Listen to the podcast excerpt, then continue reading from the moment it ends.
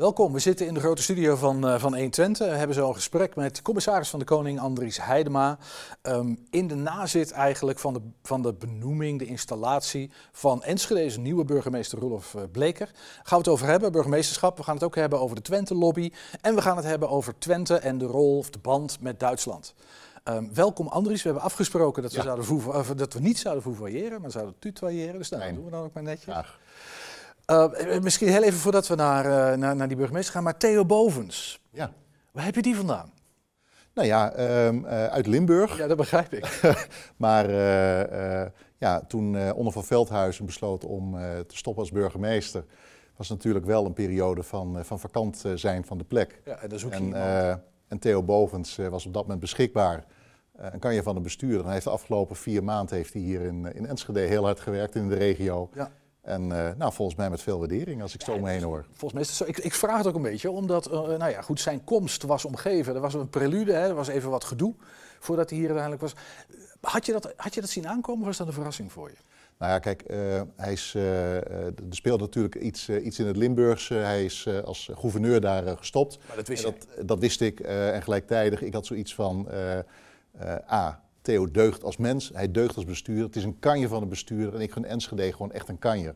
En uh, nou, in de afgelopen vier maanden heeft Theo dat op zijn eigen manier gedaan. En volgens mij naar uh, grote tevredenheid van, uh, van Enschede. Nou, want nou, ik, ik, ook dat vraag ik een beetje omdat ik kan me herinneren dat... jij bent burgemeester in Deventer geweest. Ja. En ik woonde toevallig in die periode in Deventer. En dat was toch ook een veelbesproken komst, kan ik me toen herinneren. Dat was een oude P van de A-stad en dan kwam ineens een ChristenUnie-burgemeester. Ja, alleen... Op het schoolplein ja. was daar echt wel commentaar over, kan ik me herinneren. Eh, heb jij dat tijd ook, eh, dan moet je het ijs een beetje breken in zo'n stad. Ja, dat klopt. En het allerbelangrijkste is dan om uh, gewoon het contact met mensen te zoeken. Want ja, je hebt toch de neiging als, als, als, als mens om in stereotypen te denken. En uh, kijk, het, het, het, feit dat jij het nog noemde als ChristenUnie-burgemeester. Ik was al jaren burgemeester, niet voor de ChristenUnie. Ik was burgemeester daarvoor in de Betuwe. En ik werd nu burgemeester in Deventer. En ik kreeg het vertrouwen. Dat is het mooie van de manier waarop wij in Nederland uh, ja, eigenlijk de burgemeester kiezen. Door de gemeenteraad. Even, maar, het vertrouwen krijgt. Geef je dan zo'n zo'n zo'n iemand die in zo'n nest komt hè, en dan uh, even wat aanloop gedoe heeft misschien. Geef je die dan tips? Of, uh... Natuurlijk spreek je de, de situatie door. Je praat of iemand. Uh, en, en, nu doel je waarschijnlijk op Theo Bovens. Ja, of je, ja, ja, ja, precies. Uh, natuurlijk, je benadert een, een, kandidaat met. Ja, zie je dat zitten? Zou je voor een aantal maanden dat willen doen? en nou ja, je vertelt het nodige over, over Enschede. En nou ja, je peilt dan over en weer van. wordt dit een, een gelukkige start? En dat die, dat vertrouwen was er aan beide kanten. Nou ja, er was uh, net ook even in de, in de installatie uh, van Rudolf Bleker ja. was ook een dankwoordje daarover, Precies. een complimentje. Ja. En, en, volgens mij voelt, voelt, voelt Enschede dat ook wel zo, en Boven zelf ook. Uh, is dat, dat zijn toch wel een bijzondere vier maanden geweest, ja. meer dan op de winkel passen. Absoluut. Hey, en nu hebben we een nieuwe burgemeester. Uh, daar is een heel proces aan vooraf gegaan.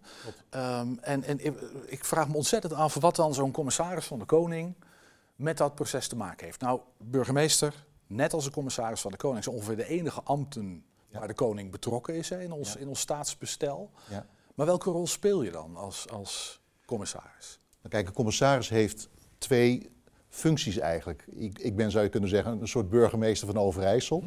Maar je bent daarnaast ook rijksheer. Je vertegenwoordigt ook de regering, de kroon, in Overijssel. En uh, ja, het is ontzettend belangrijk dat zo'n procedure dat die op een hele zorgvuldige, integere manier gaat. Waarom is dat zo belangrijk? Want dat geldt voor elke nou, procedure, ja. stel ik me voor. Ja, dat klopt. Maar goed, uh, kijk, op het moment dat je solliciteert voor het burgemeesterschap van willekeurig welke plek ook, dan steek je wel je kop boven het maaiveld. Als dat in vertrouwen kan, ja, op Enschede zijn 13, uh, hebben met 13 mensen gesolliciteerd. Er is maar één het geworden. Die andere 12 zijn het niet geworden. Nee, is, is, dat je nou met name toen hem in de krant had gestaan. Wat, zit er eentje tussen, je mag geen namen noemen, nee. dat, zal ook, dat gaat je graf mee in volgens mij. Maar zit er eentje tussen waar ik denk, oh, die hadden ze toch even mee moeten nemen misschien? Er zaten meerdere kanjes tussen en ik ben ongelooflijk blij met Roelof Bleek als ja, nieuwe burgemeester. Ik, ik heb er volstrekt vertrouwen ja, in. Maar zit er niet eentje Er hebben meerdere kanjes gesolliciteerd. Dat begrijp ik. Oké. Okay. Maar wat, dan even terug naar jouw vraag. Want, want, want, wat is dan je rol als, als, commissaris? Um, eigenlijk bij het begin van de procedure al heb je het gesprek met de gemeenteraad over dat profiel. De raad moet eerst aan de slag om te bepalen wat voor soort burgemeester wil je hebben. Daar heb je een intensief gesprek over en aan het eind... heb je zelf ook een beeld bij als burger, als, als commissaris. Stel je dan heel terughoudend op of, of denk je toch van, nou, ik moet toch een beetje, het moet een beetje dat soort type zijn, jongens? Want uh, nee, het is, deze gasten al zitten in die regio. Als het gaat over uh, het profiel van de burgemeester, is dat echt een lokale verantwoordelijkheid. En wat ik wel doe, uh, is dat op het moment dat ik in ontvangst neem, heb ik een indringend gesprek met de raad. Dus ook in, in, in, een openbare raadsvergadering, waarin ik wel even doorvraag. En soms ook eventjes prik van wat bedoel je nou precies? En mag ik, eh, mag ik het zo begrijpen of, of moet ik het anders zien? Want uiteindelijk is dat dan wel het spoorboekje. Dat is wel het profiel waarmee als eerste ik eh, aan het werk ga. Want, Want het is zo dat de, de, de vacature, de, de vacaturetekst, wordt die opgesteld door de, door de gemeenteraad of doen jullie dat? Dat is de gemeenteraad. Ja, okay. En uh, vervolgens wordt die... Uh, maar geaccordeerd door Andries Heidema? Uh, het profiel wordt door mij in ontvangst genomen. Ik, ik probeer wat scherpte erin te krijgen.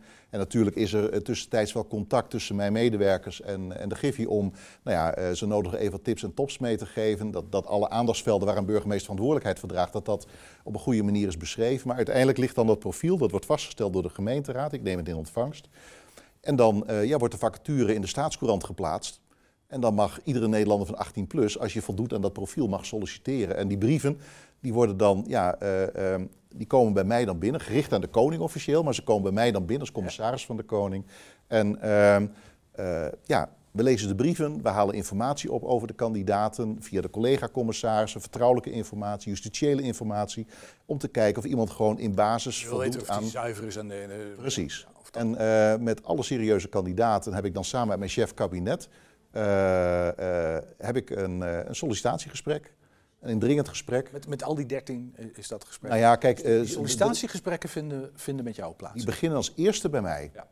Om als, als commissaris eigenlijk een beeld, in dit geval van Enschede, van wat voor vlees hebben we in de kuip van al die 13 eh, kandidaten. En als ik dat hele plaatje compleet heb, dan nou ja, zitten er een paar bij waar ik op basis van wat voor reden ook tot de conclusie kom van nou, daar, het is de vraag of die nou echt past bij Enschede. Mhm. Maar wat ik vervolgens doe, is dat ik dan de hele vertrouwenscommissie, dat zijn nou ja, zeg maar de fractievoorzitters uit de gemeenteraad, of een delegatie daarvan, in Enschede was het iets, uh, iets compactere groep, maar die namens de gemeenteraad eigenlijk de sollicitatiegesprekken met de kandidaten gaat voeren. En wat ik daar... Maar ook, ook die voeren gesprekken met al die 13 Ja, dus, dus ronde 1 is dat ik zeg maar uh, gesprekken voer om vooral informatie over de kandidaten te krijgen. Daarna heeft de vertrouwenscommissie uit de gemeenteraad, heeft ook weer volstrekt uh, uh, onder geheimhouding natuurlijk, de gesprekken uh, nee, heb, heb je, maar heb, heb, heb, je die dan een advies meegegeven? Van, joh, wat ik heb gedaan is, uh, op het moment dat ik de vertrouwenscommissie ontmoet, presenteer ik al die 13 kandidaten.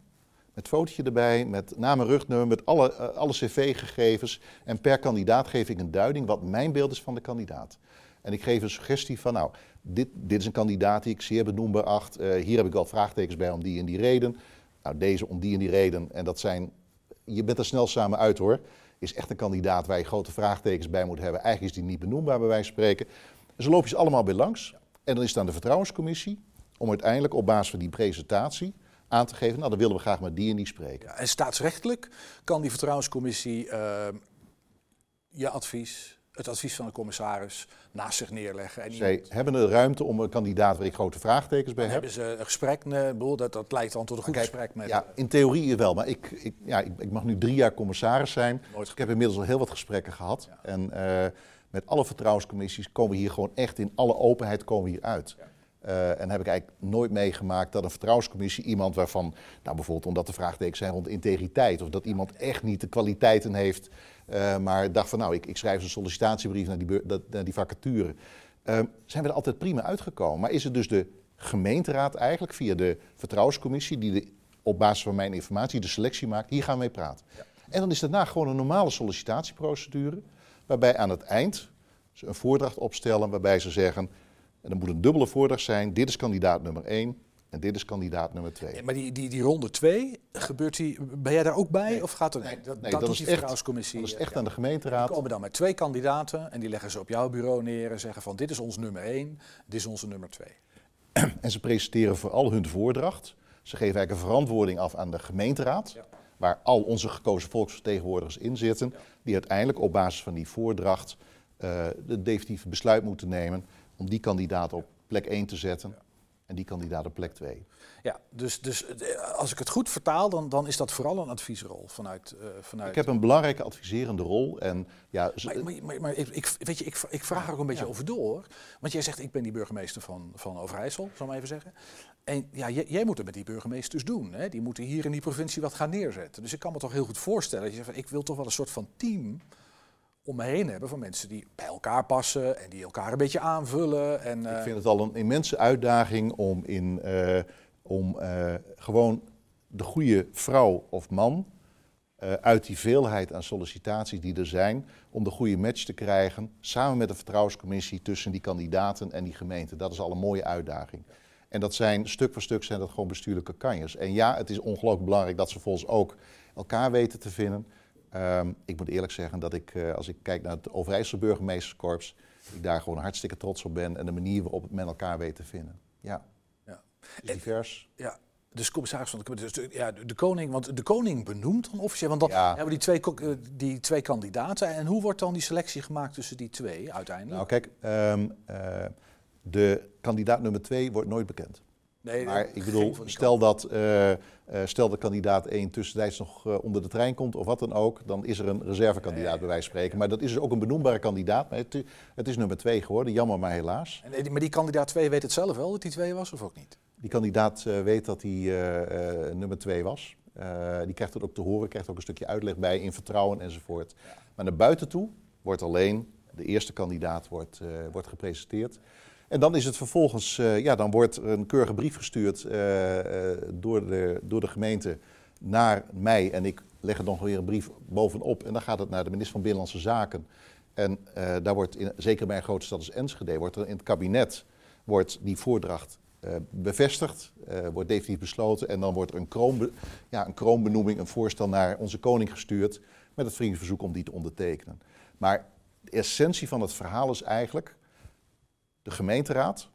Wij kiezen onze leden in de gemeenteraad. En de gemeenteraad kiest uiteindelijk gezamenlijk, via zo'n heel voortraject, kiezen ze samen hun burgemeester. En dat is in deze tijd waarin er zoveel politieke partijen zijn, waar er ook spanningen zijn, waar het alle kanten uitgaat, is het zo mooi als het iedere keer weer lukt om in een gemeente, een gemeenteraad in de volle breedte, een keus te laten maken. Dit wordt onze burgemeester, die er voor ons allemaal is, als raad, maar ook voor onze inwoners, die dat brede vertrouwen heeft. Dus je zou eigenlijk kunnen zeggen, er wordt al in Nederland gesproken over de gekozen burgemeester. Wat we feitelijk hebben, is een soort getrapt gekozen burgemeester. Wij kiezen onze volksvertegenwoordigers en die kiezen samen hun burgemeester. Ja, ik, ik, ben ik vind het heel mooi en belangrijk. ik ben helemaal niet zo voorstander van zo'n gekozen burgemeester, maar dat heeft meer te maken met, weet je, die, die wethouders, en dat zijn allemaal passanten, hè, die zitten vier jaar, hm. misschien acht en dan zijn ze weg. Burgemeesters zitten soms wel eens veel langer en, en het kan een groot voordeel zijn om in de loop van tijd een soort van afstandelijkheid te kunnen hebben om te kijken naar alles wat er gebeurd is. Maar goed, dat is een andere discussie.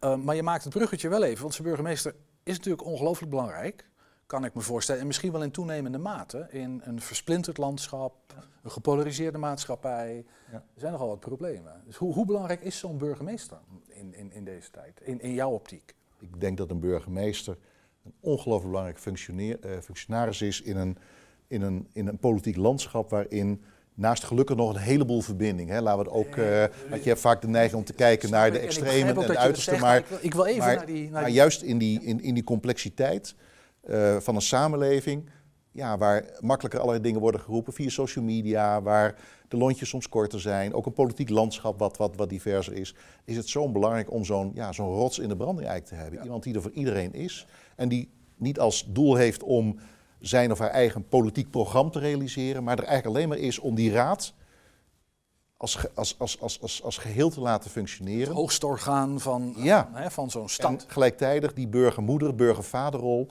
die verbinding met die samenleving. Je burgermoeder ook? Is, is dat, ik heb die term nog niet. Ik vraag me altijd af hoe moet ik dat doen? Dat klinkt zo Ik gebruik, ik gebruik hem heel bewust, maar op het moment dat je een vrouwelijke burgemeester bent, vind ik het, uh, vind ik het uitermate passend om het gewoon te hebben over de burgermoeder. Ja. ja. Hey, ik, en dan gaan we zo naar een ander blokje. Maar ik vroeg me tot slot nog even af. We hebben het heel veel over um, uh, een, een nieuwe bestuurscultuur. Misschien ook wel een nieuwe ambtelijke cultuur. Ik denk dat die aan elkaar verbonden zijn. Um, hoe belangrijk is een burgemeester in het reële? Want volgens mij is dat nogal een opgave. Ik bedoel, we gaan er niet al te veel over Zwarte Pieten nu, mm -hmm. maar we hebben met elkaar wel wat te doen in dit land. Uh, hoe belangrijk is die burgemeester? Hoe, wat, wat, staat Roelof Bleker te wachten? En, en... Roelof Bleken staat, en dat geldt voor veel andere burgemeesters natuurlijk net zo, binnen Enschede grote opgaven.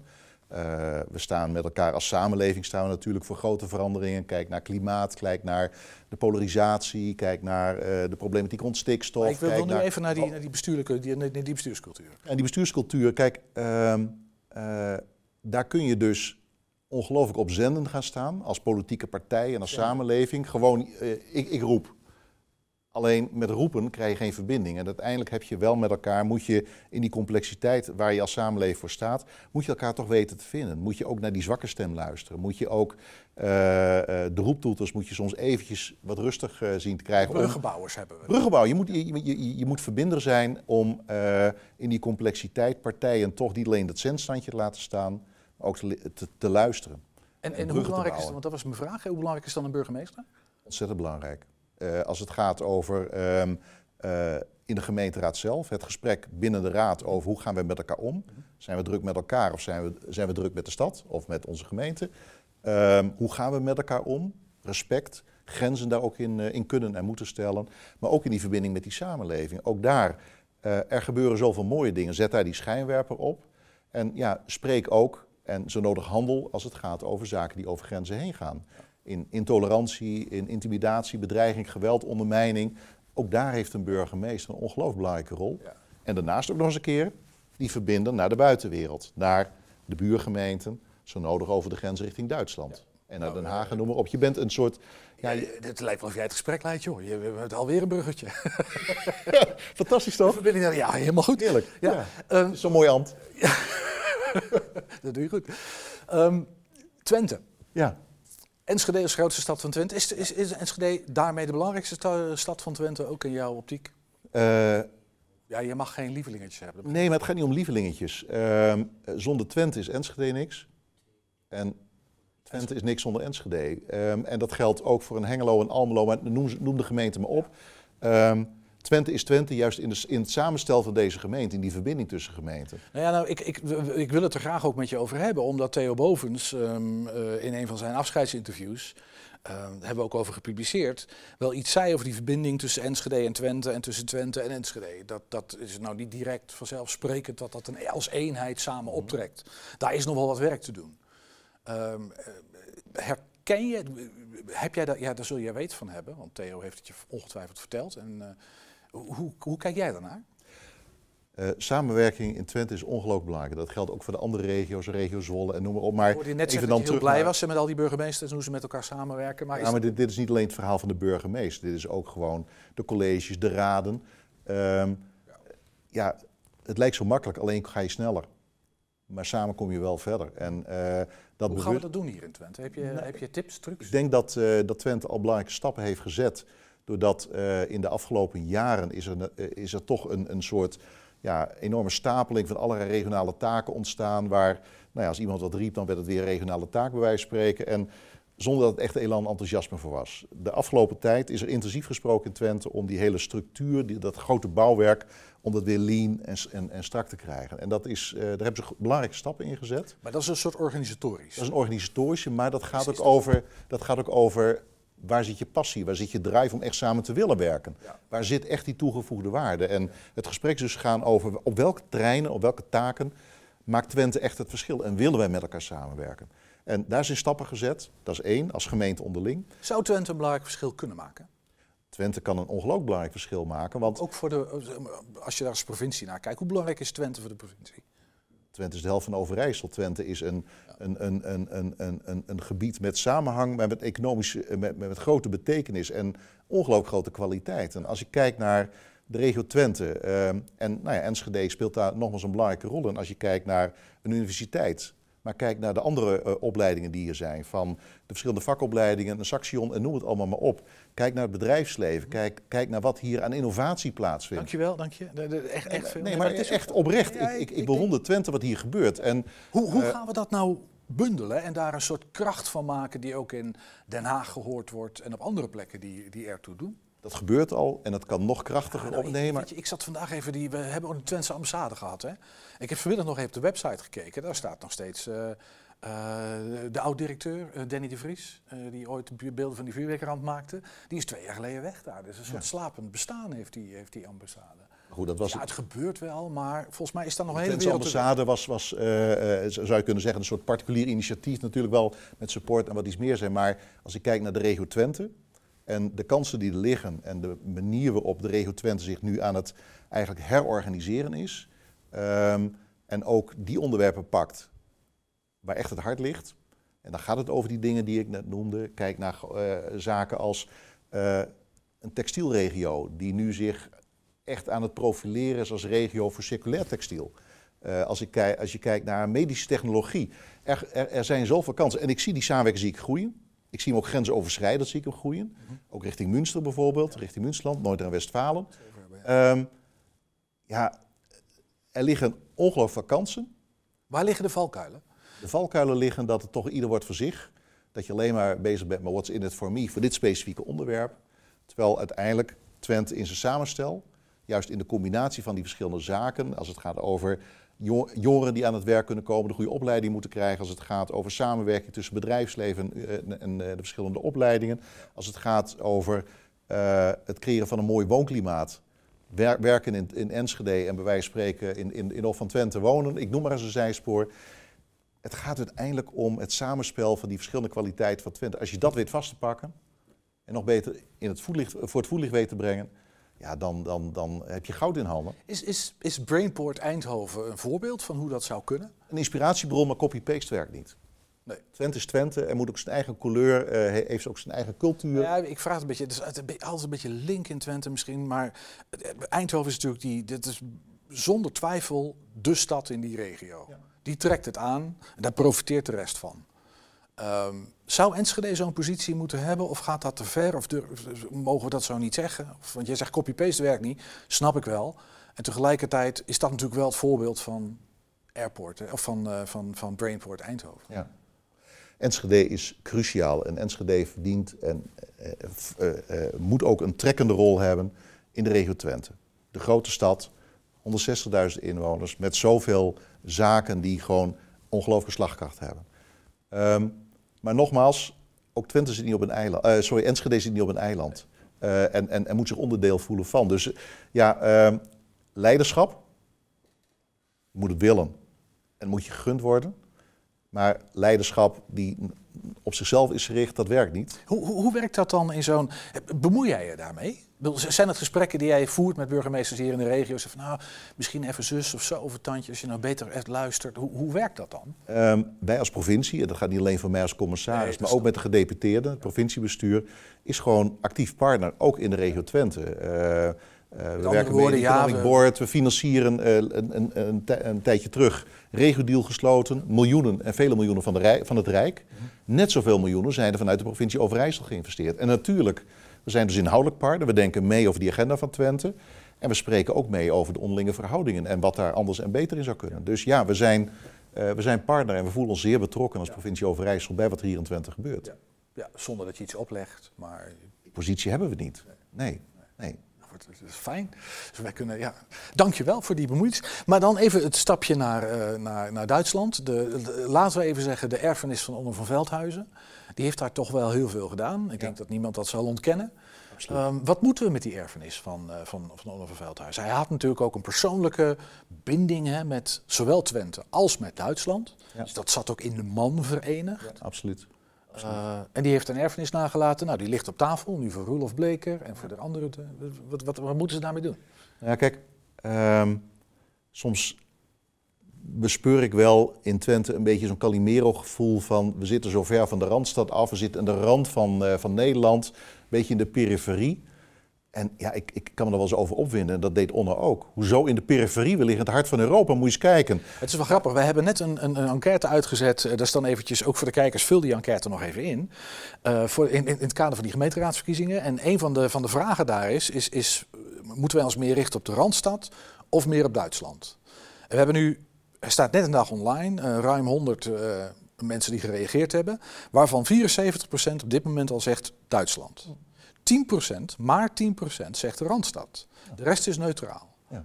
Dus kennelijk, dan weet ik niet precies wie het heeft ingevuld natuurlijk, maar dus ik, dat Calimero misschien is die boodschap van Onno van Veldhuizen aangekomen. Van we liggen aan de rand, we liggen midden in Europa. Dat stukje zelfbewustzijn als het gaat over de positie van Enschede en Twente in Europa. Met Noord- en Westfalen, Nieder-Saxen, het Roergebied aan de ene kant en nou ja, zeg maar West-Nederland aan de andere kant. Een hele mooie centrale positie. Uh, op ook nog eens een keer een aantal hele belangrijke transportassen, spoorweg en noem het allemaal maar op. Um, ja, we, daar moet wel wat gebeuren, hè, die, die spoorassen. Daar zijn we niet klaar. Ja, liggen, uh, liggen nog uh, ambities, lobbyen ook schouder aan schouder voor. Ja. Um, maar gelijktijdig ligt Twente gewoon super strategisch. En dan is het ook ongelooflijk belangrijk dat je elkaar kent. Dat je echt die samenwerking opzoekt. Dat je en, je Duitse partners kent. Ja, precies. En daar heeft Onno veel in geïnvesteerd. Ik ben ook als commissaris, uh, ben ik coördinerend uh, commissaris voor de samenwerking met Noord- en Westfalen, samen met Limburg en met, met Gelderland. Dus de, grens, um, de grensprovincies. De grensprovincies. Um, en als je realiseert, we zitten nog in corona, maar die eerste lockdown, toen is in heel Europa, zijn op twee na, zijn alle Europese grenzen zijn dichtgegaan. Gewoon wat we met België bijvoorbeeld hadden. Gewoon betonblokken op de weg. Een van die twee grenzen die is opengebleven is de Nederlands-Duitse grens. En ja, we hebben weer ervaren dat er een grens was en uh, uh, het, het, was onhandig soms met testen en weet ik het allemaal, maar die Duits-Nederlandse grens is open gebleven. Met andere en woorden, dat zegt, die, en, en die dat is gelukt ja. omdat de lijnen heel kort waren, ja. dat er vertrouwen was en dat op het moment dat er in Duitsland iets gebeurde, dat, dat, dat, dat we werden geïnformeerd en omgekeerd ook. En dat we samen zochten naar oplossingen vanuit die passie en dat vanaf het niveau van Mark Rutte en Lachette aan de Nederlands-Duitse uh, kant tot en met de onno's uh, van Veldhuis en de collega's en deze commissaris met de collega's met, uh, met hun Duitse counterparts. Samen geknokt, we houden die grens open en we gaan intensiveren die samenwerken. Want er liggen nog zoveel kansen. Nou ja, dus, dus de, die grens af en toe in de war. In de, in de weg. De warme banden zijn er, uh, dat is helder. Um, Berlijn ligt nog een beetje dwars, hè. die wil nog niet helemaal mee met zijn spoorlijn. Um, uh, nou. is, is, daar ja, ligt dat genuanceerder dan ik het nu zeg? Ja, nou goed, het, het, voert niet te ver om het, om, om het hele spoorlijnverhaal in detail door te lopen. Maar in Duitsland ligt er wel degelijk, een, ook bij de Deutsche Bahn, een, een ambitie om die Nederlands-Duitse treinverbinding, om die veel verder te optimaliseren. Een versnelde verbinding met, met, tussen zeg maar onze Randstad en Berlijn. maar ook als het gaat over zeg maar, de as Zwolle, ja. Twente en dat door naar Münster. Uh, waar nu nog een groot stootblok staat uh, op het station uh, Enschede. Duizend mensen hè, die toch heen en weer gaan. Ja, het is toch bizar. Ik bedoel, er zijn wel heel wat slechtere treinverbindingen qua, qua gebruik. En hier moeten we met elkaar in investeren. En die, zo'n spoorverbinding, dat, dat intensiveert nog verder die samenwerking tussen Duitsland en Nederland. Tussen Münsterland en, en de Twentse regio. En dat is goud waard. Dus doen. Maar goed, dat vraagt in Nederland investeringen. Nou, het, nieuw, het huidige Gerakkoord staat er nog niet genoemd als de investeringsprioriteit. Dus het vraagt nog extra lobbyen. En in Duitsland moeten we natuurlijk het ijs ook uh, warm zien te houden. En welke rol heeft uh, Andries Heidema daarin? Uh, samen met de gedeputeerden zijn we bezig om de lobby met, samen met Twente en de regio Zwolle. We hebben samen daar, onder leiding van Bert Boerman, hebben we daar in de Kamer, hebben we met de voorzitters van beide regio's hebben we gestaan, hebben we gelobbyd nou, iedere verbinding die we in Den Haag leggen, is dit een van de thema's die we, die we er neerzetten. Is, is er ook een, een lobby richting Berlijn of, of, gaat dat via, via Den Haag? Er lopen uh, uh, lijnen uh, met de Duitse collega's, dus we lobbyen ook met onze Duitse partners richting Deutsche Bahn, richting het ministerie wat gaat over de, over, de, over de spoorverbindingen. Dus er wordt aan beide kanten wordt er, ja, dit verhaal verteld. En ja, eigenlijk de boodschap, als je hier niet investeert, dan snap je het niet helemaal. Nee, dat vinden wij ook. Wat is je prognose? Wanneer, uh, wanneer hebben we die uh, snelle verbindingen? Zo tussen München, Düsseldorf, Enschede, uh, Zwolle en dan richting Berlijn. wanneer? Het vlees is groot om, om, om nu iets te gaan roepen, maar dit, ik, ik, ik vind het moeilijk om, om het in te schatten. Maar dit gaat er komen, dit gaat er komen. En of het tijdens de, de, de, de, periode dat ik hier commissaris ben en dat Roelof Bleker burgemeester is. ik knok ervoor, we knokken er met elkaar voor. En we gaan het zien. Uh, er moeten heel wat neuzen in de goede richting komen. Hoe lang, hoe lang commissaris van de Koning nu? Ik ben uh, komende zomer ben ik alweer vier jaar commissaris van de Koning. Ja, het is toch iets langer dan ik dacht. Ja, ik, had ja, ik ook. maar uh, allen, is, is er nog een ambitie? Anderen zijn ze nog jong, zo oud ben je nog niet. Ministerschap ooit? Nee, ik zou je zeggen, uh, ministerschap. Uh, ik ben ooit een keer, toen ik burgemeester was van Deventer, uh, ben ik genoemd als minister van Landbouw. Ik ben ongelooflijk blij dat het niet is doorgegaan. Uh, men weet ook in Den Haag dat ik niet te porren ben voor een ministersfunctie. Uh, die rol van een burgemeester en eigenlijk, nou ja, nu Waarom niet te porren voor een ministersfunctie? Omdat het een heel ander soort rol is. snap ik, maar dat is, was commissaris van de Koning ook. Ja, maar een burgemeester en een commissaris van de Koning hebben wel een soortgelijke functie. Het staan boven de partij, het zijn verbinder, boegbeeld uh, en ik denk dat die rol. zou de enige optie koning zijn nog, maar dat zit er niet in. Nou, dat doet onze koning geweldig. Dus uh, ik sprak hem van de week nog. Maar, die, maar die, die, rol van boven de partijen staan, verbinder, dat is een rol waar je heel wel bij voelt. Waar mijn kwaliteiten liggen. Ik, ik, ik, ik weet wat ik kan, maar ik weet ook wat ik niet kan. En in deze rol ja, heb ik het gevoel dat ik bij mijn kernkwaliteiten zit. En ja, dat ik iedere dag, als ik opsta, zoiets heb van: wauw, wat een voorrecht dat ik dit mag doen. Nieuwsgierig naar de komende jaren met Roelof Bleker? Ja, ongetwijfeld. Ja, maar met, verwacht je? Maar ook met veel vertrouwen. Ja. Ligt de lat hoog? De lat ligt hoog uh, voor iedere burgemeester in Nederland, ook voor, uh, voor, uh, voor Roelof. Um, wat, wat heb je tegen hem gezegd vanavond persoonlijk, wat wij niet gehoord hebben? Ja, als ik dat nu ga vertellen, is de spanning er ook af. Nee hoor, ik heb gewoon van harte. Ik heb met Roelof meerdere persoonlijke gesprekken gehad in de afgelopen tijd. En vanavond gewoon het was een geweldige avond. Ondanks de beperkingen van corona is het toch een mooie feestelijke avond geweest. En ja, hij is hartelijk welkom geheten door de, door de Enschede'ers via de filmpjes die, uh, die werden vertoond. Het was gewoon een, uh, een, een, warm onthaal. En uh, ja, daar staat een gedreven nieuwe burgemeester van Enschede, waar ik ongelooflijk veel vertrouwen in heb. Enschede, echt van harte gefeliciteerd met jullie nieuwe burgemeester. Dankjewel. Graag gedaan.